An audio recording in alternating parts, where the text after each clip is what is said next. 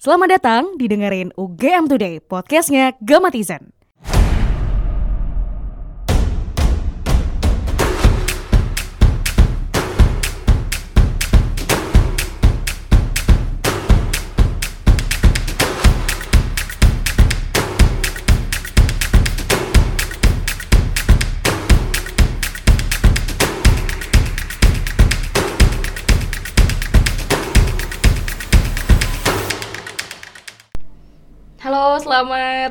Malam, selamat pagi, selamat sore, selamat siang, selamat apa pun teman-teman. Selamat datang kembali di dengerin UGM Today. Kali ini ada di monolog lagi ya. Em, saya sesi monolog kok sesi sih rubrik ya sebenarnya. Eh, bukan rubrik, kalau rubrik tuh kayak majalah banget ya. Kita boleh lah anggap eh, episode dengerin aku aja balik lagi. Jadi di monolog kembali hadir sama Via kali ini di dengerin UGM Today spesial monolog yang mana nih ya sebenarnya udah harusnya udah agak lama gitu ya tapi karena ya saya baru bisa menghadap laptop hari ini jadi mari kita ngomongin soal salah satu postingan di UGM Today yang juga ini uh, ada 4612 likers ya tentang apa coba ini diposting 10 September Yogyakarta semakin tidak nyaman karena kendaraan ternyata. Oke, okay, let's coba kita swipe di uh, konten yang dibuat sama Orai, ilustrasi dengan ilustratornya ada FK nih ya di sini. Ini so apa misterius banget nih masnya yang bikin ilustrasi. nah, di konten yang satu ini disebutin kalau misalkan di kota Jogja itu ternyata ya teman-teman uh, gamatizen sorry nih. Aku harus uh, manggil kalian sebagaimana yang sudah dikenalkan di awal ya. Teman-teman yang mendengarin UGM Today yang dengerin UGM Today ini. Namanya adalah gamatizen oke. Okay. gamatizen ternyata di Jogja itu ada 1,8 juta unit kendaraan bermotor di kota Jogja ya. Ini kota Jogja itu lingkupnya berarti ya uh, Sleman, Kulon Progo, Bantul ini belum termasuk nih berarti setiap satu penduduk kota Jogja itu punya setidaknya empat kendaraan bermotor nih kalau dibagi uh, dengan jumlah penduduk di kota Jogja itu sendiri. Dengan jumlah penduduk kota Jogja sebanyak 427.801 jiwa. Data dari PPS tahun 2018. Nah, setiap tahunnya bahkan ada 120.000 kendaraan baru yang mana Kenaikan sepeda motor tuh rata-rata 6% setiap tahun untuk wilayah kota Jogja dan juga 4% untuk kendaraan mobil. Ini kayak yang bener-bener kita kemudian ngerasa ya kalau kita udah um, buat yang tinggal di Jogja hari-hari selalu ada titik-titik kemacetan yang bahkan nunjukin bahwa eh, ternyata Jogja itu udah penuh banget ya sama kendaraan-kendaraan bermotor gitu.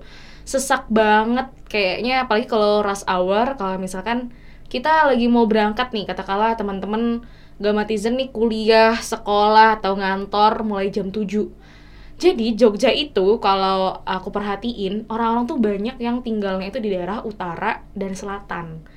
Terus ketika mereka mau sekolah, mereka mau ngantor, mereka harus kumpul di tengah nih. Ya dari utara misalkan. Kalau dari Jalan Kaliurang itu titik kemacetan pasti ada di perempatan Kentungan. Kemudian berikutnya Gejayan ya Allah kebayang gak sih uh, orang-orang dari Condong Catur ya yang banyak perumahan itu mereka kalau pagi semuanya gerak ke selatan dan selalu lewat jalan-jalan utama kayak Gejayan dan Condong Catur. Mulai dari terminal Condong Catur ya Gejayan habis itu mereka ke arah jalan Solo Demangan Demangan mereka ke arah jalan Solo misalkan. Itulah titik-titik tercrowded yang kemudian kadang kita kalau mikir bisa nggak sih ya ngelewat sini? gitu. Bisa nggak sih terbang? Kalau udah mau nyampe perempatan kentungan tuh. Nah apalagi sekarang kentungan tuh lagi ada proyek underpass ya. Itu kayak ya Allah itu bikin bener-bener. Um, kita di Jogja aja baru segitu mungkin udah ngeluh ya. Kita nggak aku sih yang pribadi nggak pernah tinggal di Jabodetabek nggak tahu gimana orang-orang menghadapi kemacetan setiap hari. Mungkin mereka udah saking santainya gitu tapi penting banget juga karena ternyata kalau ngomongin soal kendaraan yang semakin banyak jumlahnya, baik di kota Jogja ataupun di daerah istimewa Yogyakarta secara umum, teman-teman ternyata ini bisa berkaitan banget ya sama yang namanya uh, polusi udara. Kalau saudara-saudara kita di Sumatera dan juga Kalimantan kemarin mereka sampai hari ini lah kayaknya ya, masih pada apa dirundung asap kebakaran hutan yang luar biasa banget itu benar-benar kayak kabut dan ternyata itu nggak cuma satu dua hari doang ya tapi berbulan-bulan bisa lahan mereka kebakar. Kalau di Jawa jangan sangka nggak ada yang namanya polusi udara dari asap. Bukan asap hutan emang tapi asap kendaraan bermotor. Jogja aja ya mohon maaf nih ya yang kita ngerasa masih lebih mending daripada Jakarta. Itu aja kita udah stres gitu loh kayak ngadepin pertama kemacetan. Kedua ternyata tetap ada potensi uh, pencemaran ataupun polusi udara itu sendiri walaupun nih kalau aku coba cek di jogja.idntimes.com di sini disebutkan kalau misalkan hmm, kualitas udara di Jogja itu sebenarnya masih cukup baik nih. Nih ini kalau disebutin kalau misalkan di Jakarta uh, ngukur indeks ngukur apa namanya um, pencemaran udara itu pakai indeks standar pencemaran udara atau ISPU di Jakarta tuh nilainya 150, 150 ISPU-nya nah kalau di Jogja itu di DIY ya ini masih di bawah 50 disebutin di sini kalau misalkan um, di tahun 2012 sampai dengan 2018 akhir itu ada di rentang indeks 82 sampai dengan 90,58 ini disebutin uh, kategorinya baik lah ya. Uh, sangat baik di sini bahkan disebutin sama narasumber dari IDN Times ini ada DLK DLHK DIY nah ini lumayan ya sebenarnya. Hitungannya lumayan walaupun udah kita udah ngerasa macet udah ngerasa banyak banget kendaraan tapi ternyata dari segi kualitas udara masih cukup bagus nih. Tapi tentunya ya apa yang bikin yang bikin kadang kita masih gregetan kalau misalkan di jalanan itu adalah ketemu Trans Jogja pas banget nih jadi kalau di postingannya UGM Today yang tadi uh, tentang Jogja sudah tidak lagi nyaman karena banyak kendaraan. Di sini si Mimin tuh dia ngasih captionnya ditambah tembakan tinta gurita Trans Jogja. Oke, okay. boleh siapa yang yang pernah punya pengalaman buruk banget kalau misalkan berhenti di jalan, berhenti di perempatan, terus berhentinya di belakang Trans Jogja dong. Itu kayak yang ya Allah, udah gitu lupa nggak pakai masker helmnya kagak bisa nggak bisa ditutup kacanya kayak ya udahlah pasrah aja setelah ini kita akan terkena serangan. Itu kayak kayak misalkan uh, tersembur tinta hitam gurita di mana kayak kata Mimin ya? Itu adalah suatu derita di jalanan yang tidak bisa kita hindarkan kadang ya sebagai warga Jogja pasti punya lah ya pengalaman. Satu dua kali ketika berhenti itu di belakang Trans Jogja dan kayak ya udah pasrah aja lah habis ini pasti dia nyembur ya. Itu sebenarnya bikin apa ya risih gak sih ini transportasi umum yang katanya ya TJ itu Trans Jogja itu salah satu transportasi umum andalan Jogja gak sih? Maksudnya ketika Jogja belum punya MRT, Jogja belum punya LRT ataupun KRL kayak di Jabodetabek ya, ya apa coba transportasi umum di Yogyakarta yang bisa diandalkan? Trans Jogja kan? Nah itulah. Tapi ya begitu. Pertama mungkin kalau misalkan uh, gawatizen semua pengguna Trans Jogja ya, coba deh sekarang trayeknya itu belum nyampe ke atas ring road ya. Ke utara ring road. Jadi Trans Jogja itu paling uh, ujung-ujungnya tuh kan ada di Gamping terus di ke selatan itu Giwangan ya? Giwangan bukan sih? Terus kalau misalkan ke arah timur timur utara itu ada di Prambanan. Itu adalah maksudnya hmm, kayaknya jangkauannya masih ya sebatas lingkup mengelilingi kota Jogja lah ya belum mencapai Kulon Progo, Gunung Kidul, wah itu luar biasa banget gak sih kalau Trans bisa nyampe Gunung Kidul seenggaknya nih, seenggaknya Trans Jogja bakal bisa nyampe Pakem. Nah, kabar baiknya, kabar baiknya jadi kemarin memang ada uh, wacana bahwa Trans Jogja akan melebarkan trayeknya gitu ya. Kita tunggu aja nih. Besok bisa ke Jakal, Jakal bukan ke Jakal, ke Pakem kalau mau makrab kita bisa naik ini, bisa naik TJ dari kampus kan keren ya. Jadi apa challenge-nya tuh udah sejak sejak dari kampus naik Trans Jogja sampai ke Kaliurang gitu kan lumayan.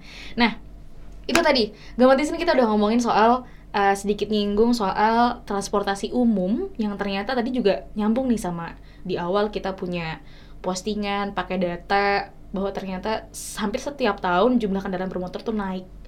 Tapi di sisi lain kemudian kita lihat nih upaya apa sih yang udah sempat dilakukan dengan penyediaan transportasi umum misalkan untuk jadi salah satu uh, pengurai kemacetan, terus juga yang ngurangin polusi udara. Tapi jangan-jangan transportasi umum sendiri menjadi penyumbang polusi udara itu itu di Jogja gitu ya dengan tinta hitam yang mematikan.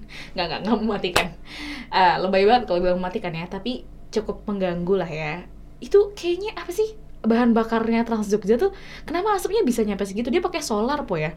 Yang asap itu bisa hitam banget, sungguh-sungguh hitam gitu.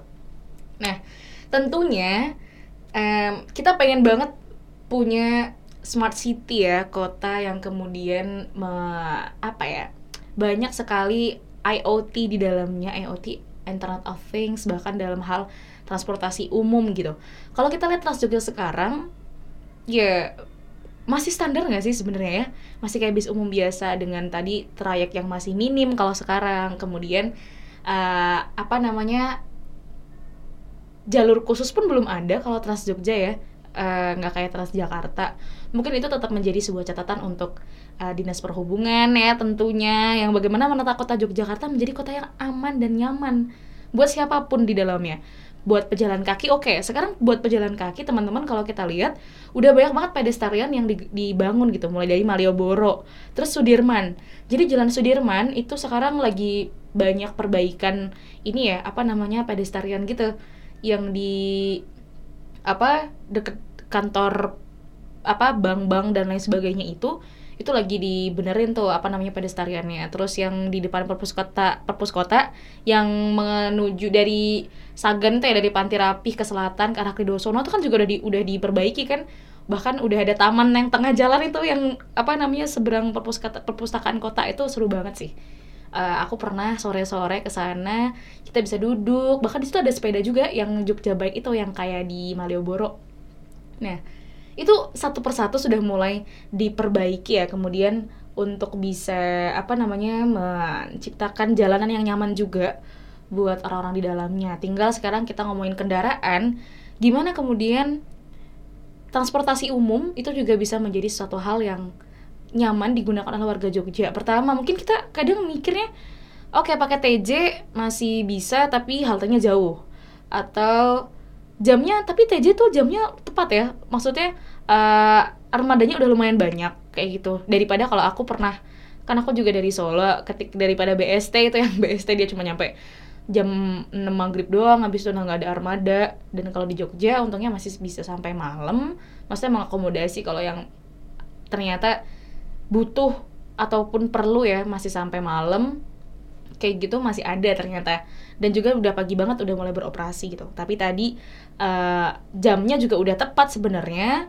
Cuman kenyamanan kita selama perjalanan aja sih baik kita yang di dalam TJ ataupun orang yang di luar ternyata.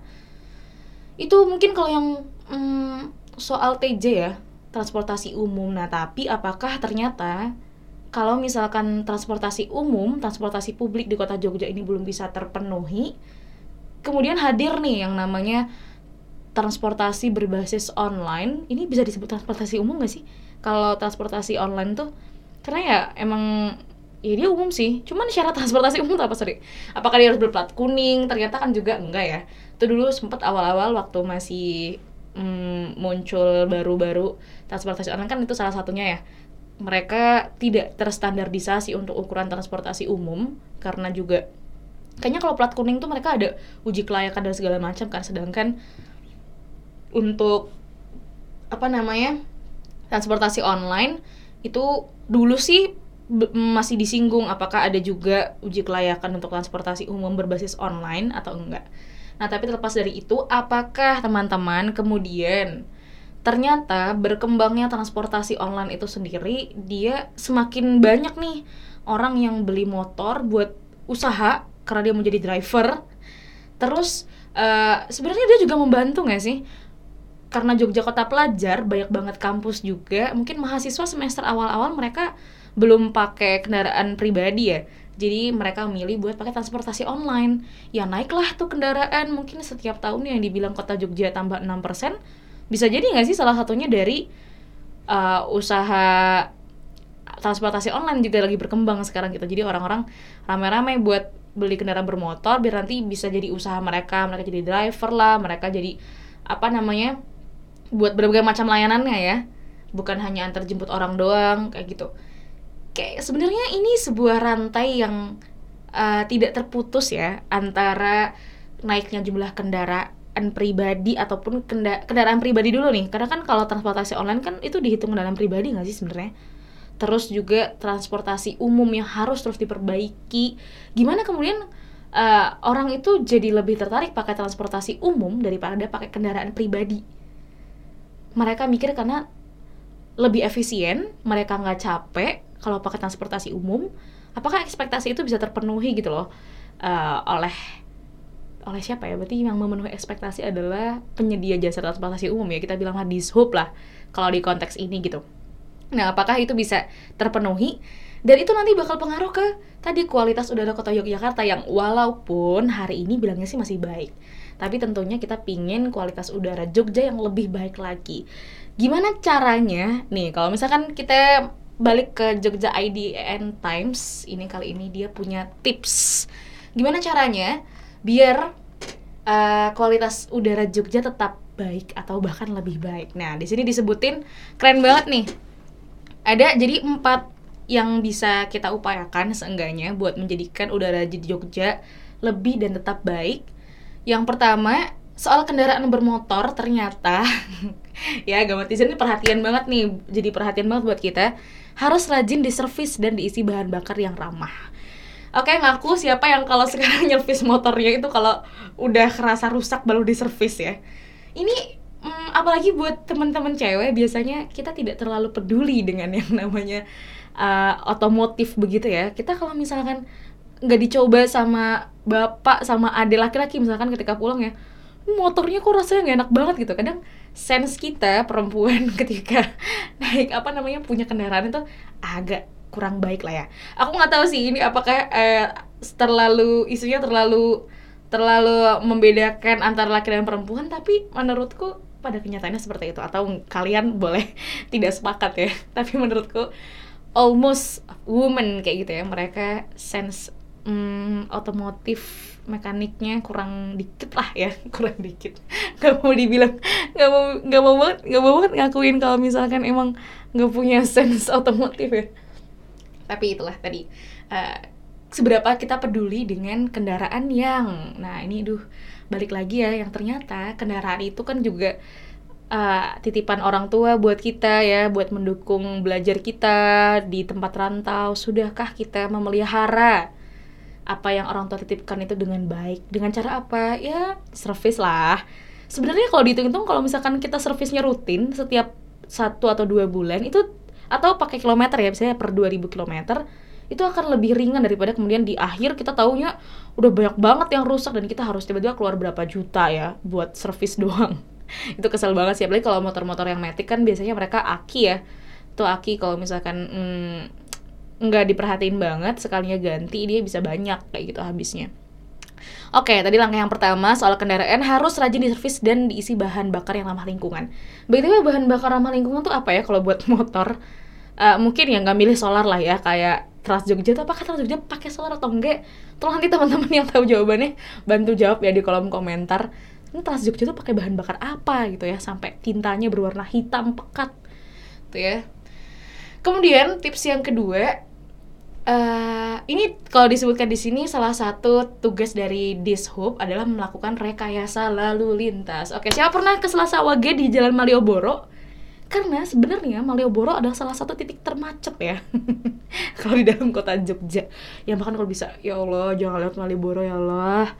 Gimana caranya gitu ya menghindari titik itu. Nah, dengan adanya program Selasa Wage, teman-teman, itu uh, diharapkan menjadi salah satu upaya untuk tadi menyegarkan lah udara Jogja sehari. Karena di Selasa Wage itu jalanan Malioboro tanpa kendaraan bermotor kecuali ambulans dan Trans Jogja ya kalau nggak salah. Itu. Wah ini beberapa kali kayaknya UGM tadi juga pernah ngeliput suasana Selasa Wage di Malioboro yang benar-benar nyaman dan hmm, coba kalau bisa kita rasakan tarik nafas terus kita keluarkan kayak yang kita bisa menikmati Malioboro dengan lebih tenang, dengan lebih syahdu ya. Tadi tanpa kendaraan bermotor. Walaupun kita coba baru satu hari, tapi rasanya itu adalah sebuah langkah yang sudah cukup uh, baik gitu ya. Terima kasih di Hub Jogja sudah uh, ada program Selasa Wage ya. Semoga terus bisa konsisten sampai ternyata memang udara kota Jogja lebih bersih dan lebih baik lagi. Tips yang ketiga adalah setiap pembangunan rumah, hotel, atau bangunan harus disisihkan sekian persennya untuk adanya tanaman hijau. Jadi ruang terbuka hijau RTH. Anak-anak geografi atau teman-teman yang pernah belajar geografi kayaknya uh, pernah ini ya, apa namanya? Tahu berapa sih kalau di kota, tapi cukupnya kota ya kalau nggak salah 20% dari lahan kota itu harus disisihkan untuk namanya RTH ruang terbuka hijau. 20% nggak sih? Benar nggak? Tolong anak geografi ataupun siapa pun yang denger ini dan ngerti uh, bisa dikoreksi ya di kolom komentar gitu. Nah ini juga disebutin. Bahkan setiap bangunan itu dia direkomendasikan disarankan bahkan ini uh, apakah diharuskan ya untuk punya lahan terbuka hijau. Sekarang udah banyak banget caranya nggak ada alasan kalau misalkan nggak ada tanah buat nanem karena sekarang udah berkembang namanya vertical garden. Itu keren banget sih konsepnya ya. Ada yang pernah tahu mungkin di atap-atap bangunan itu mereka punya kebun. Kebunnya itu bahkan ya nggak ada tanah literally yang itu tanah kayak pekarangan gitu enggak tapi mereka bisa ngembangin berbagai macam hmm, apa namanya cara menanam dengan media tanam yang beragam tidak harus tanah gitu. Yang jelas ada tumbuhan hijaunya karena kan yang dibutuhkan tumbuhan hijau itu sendiri ya untuk ngatur sirkulasi udara ya itu keren banget sih idenya buat bisa bikin apa namanya green city. Green city. Oh ya mall-mall juga sekarang juga punya konsep green mall loh. Kayak misalkan hmm, Hartono tuh cukup cukup ini menurutku cukup mereka cukup menggagas konsep green mall karena di depan tuh mereka punya tanaman ya. Walaupun satu dua tiga tapi ya lumayan satu dua tiga kayak gitu. Itu lumayan atau juga mall-mall lain yang punya konsep sedemikian rupa atau hotel-hotel juga bisa kita lihat. Kalau boleh kapan-kapan kita uh, city tour ya, coba ngelihat gimana penerapan beberapa saran ataupun peraturan. Bahkan ini aku nggak tahu sih, tapi udah tertuang dalam peraturan pembangunan uh, hotel ataupun perkantoran di Jogja atau belum soal ruang terbuka hijau ini sendiri. Nah, ini ini tadi kan bilangnya empat ya. Coba kita urutin lagi yang pertama, kendaraan bermotor mesti rajin diservis dan diisi bahan bakar yang ramah. Itu edukasi masyarakat. Yang kedua ada rekayasa lalu lintas. Terus, oh ada juga nih memperbanyak taman kota. Ternyata dia sempat kelewat. Setelah tadi yang pertama ada apa namanya kendaraan rajin diservis. Yang kedua rekayasa lalu lintas. Yang ketiga itu ada ruang terbuka hijau untuk bangunan dan yang keempat itu memperbanyak taman kota. Yogyakarta punya taman kota di mana, guys? Tunggu bentar. Taman Kota Jogja. Krik krik krik krik Taman Kota Jogja. Krik krik krik sebentar. Aku nggak pernah main ke Taman Kota Jogja. Mana ya? Alun-alun, alun-alun tuh bukan taman kota ya, tapi ya. Wait. Kalau misalkan yang banyak yang banyak pepohonannya sih kalau di seki, uh, pinggiran Sudirman itu kan lumayan ya. Dia banyak pohon-pohon besar. Terus yang di Sagan itu juga lumayan banyak pohon besar. Uh, yang di apa pedestrian itu yang tengah-tengah. Terus mana? Taman Kota Jogja. Taman Kota Jogja. Krik krik krik krik krik. Uh, uh, uh, um, ke Taman Kota Jogja ada sih? Coba kita cari ya Taman Kota Jogja tunggu uh, kita searching dulu Taman Kota Jogja. Oke. Okay. Apakah ada taman kota? Oh, nih ya.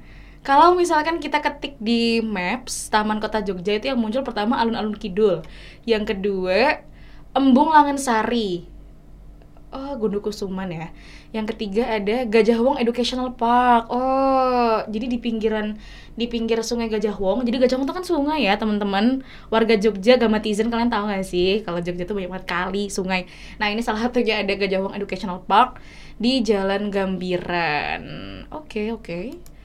Ini kayaknya boleh deh city tour ya kita nggak nggak banyak tahu ternyata Jogja tuh ada ruang terbuka hijaunya. Ada titik nol Karangwaru Riverside. Oh, banyak Riverside ternyata. Taman Kantil ini di Jalan Kantil. Terus ada Taman Edukasi Lalu Lintas di Jalan Imbugiri Timur ada Taman Ganesa di Bali Rejo, ada juga Taman Inspirasi Code Bronto Kusuman, Taman Pintar. Oke, Taman Pintar masuk sebagai ruang terbuka hijau. Oh, sebagai taman kota. Ada juga Taman Pelangi, alun-alun. Oh, ini kayaknya udah mulai ngaco ini Google nya. Jadi coba deh ketik di Google keywordnya Taman Kota Jogja. Itu munculnya apa? Beberapa tadi yang aku coba search munculnya itu. Alun-alun kot, alun-alun kidul, alun utara, embung langun sari, selfie park, taman pule, Wih, mana nih? Jalan veteran, Gajah Educational Park, alun-alun utara, titik nol, Karangwaru Riverside, Taman Kantil, Taman Edukasi Lalu Lintas, ya dan lain sebagainya. Taman Ganesa juga ada nih, oh baru tahu banget. Ya itu, pada intinya empat tips yang bisa kita mulai untuk membuat kota Jogja tetap baik kualitas udaranya. Semoga semoga banget nih, semoga banget jadi harapannya di akhir tuh banyak banget. Pertama tentunya kita bisa mulai dari diri kita sendiri, dari rumah-rumah kita, kos-kosan, uh, green in the cost ya mungkin. Kegiatan berkebun buat anak kos dong, kayak gitu ya. Di mana setiap kamar mungkin punya uh, kewajiban buat nyumbang satu tanaman misalkan ke kos-kosan kan keren banget nggak sih? Itu ibu kosnya luar biasa sekali. Pengelola kosnya keren banget ya. Atau apa misalkan kalian punya ide nggak? Apa sih yang bisa dilakukan sama mahasiswa buat ini nih bantu kualitas udara kota Jogja tetap baik atau bahkan lebih baik lagi? Itu hmm, juga kita berterima kasih sekali kepada Dishub ada Selasa Wage yang berikutnya Taman Kota Jogja uh, Taman Kota di Jogja kayaknya perlu diperbanyak ya biar kita bisa makin enjoy uh, ada di luar ruangan berrekreasi. Ketika sore hari dan pagi hari mungkin menikmati udara kota Jogja yang sangat sejuk. Gitu ya. Ini kalau di sini nggak sejuk sih pengap. Nah itu mungkin sekian dulu soal dengerin aku aja. Soal tadi hmm, udara kota Jogja yang selalu berusaha kita jaga walaupun ternyata kendaraan di Jogja makin banyak. Apakah langkah yang bisa kita ambil untuk menjaga kualitas udara di kota Jogja ini dari segi transportasi, dari segi uh, perawatan lingkungan, perawatan lingkungan. Ini diksinya nggak banget ya ya apa pun yang bisa kita lakukan kita lakukan mulai sekarang mulai dari diri kita. Jangan tunggu besok karena kita nggak tahu besok kita masih bisa ngelakuin hal itu atau enggak terima kasih sekian dari Via yang ternyata udah ngomong lumayan lama ya hampir setengah jam. Semoga teman-teman kita bisa mulai semuanya dari kita sendiri. Dari diri kita dari rumah kita dari kos-kosan kita. Itu. Terima kasih. Selamat beraktivitas kembali. Sampai bertemu di monolog berikutnya. Didengerin aku aja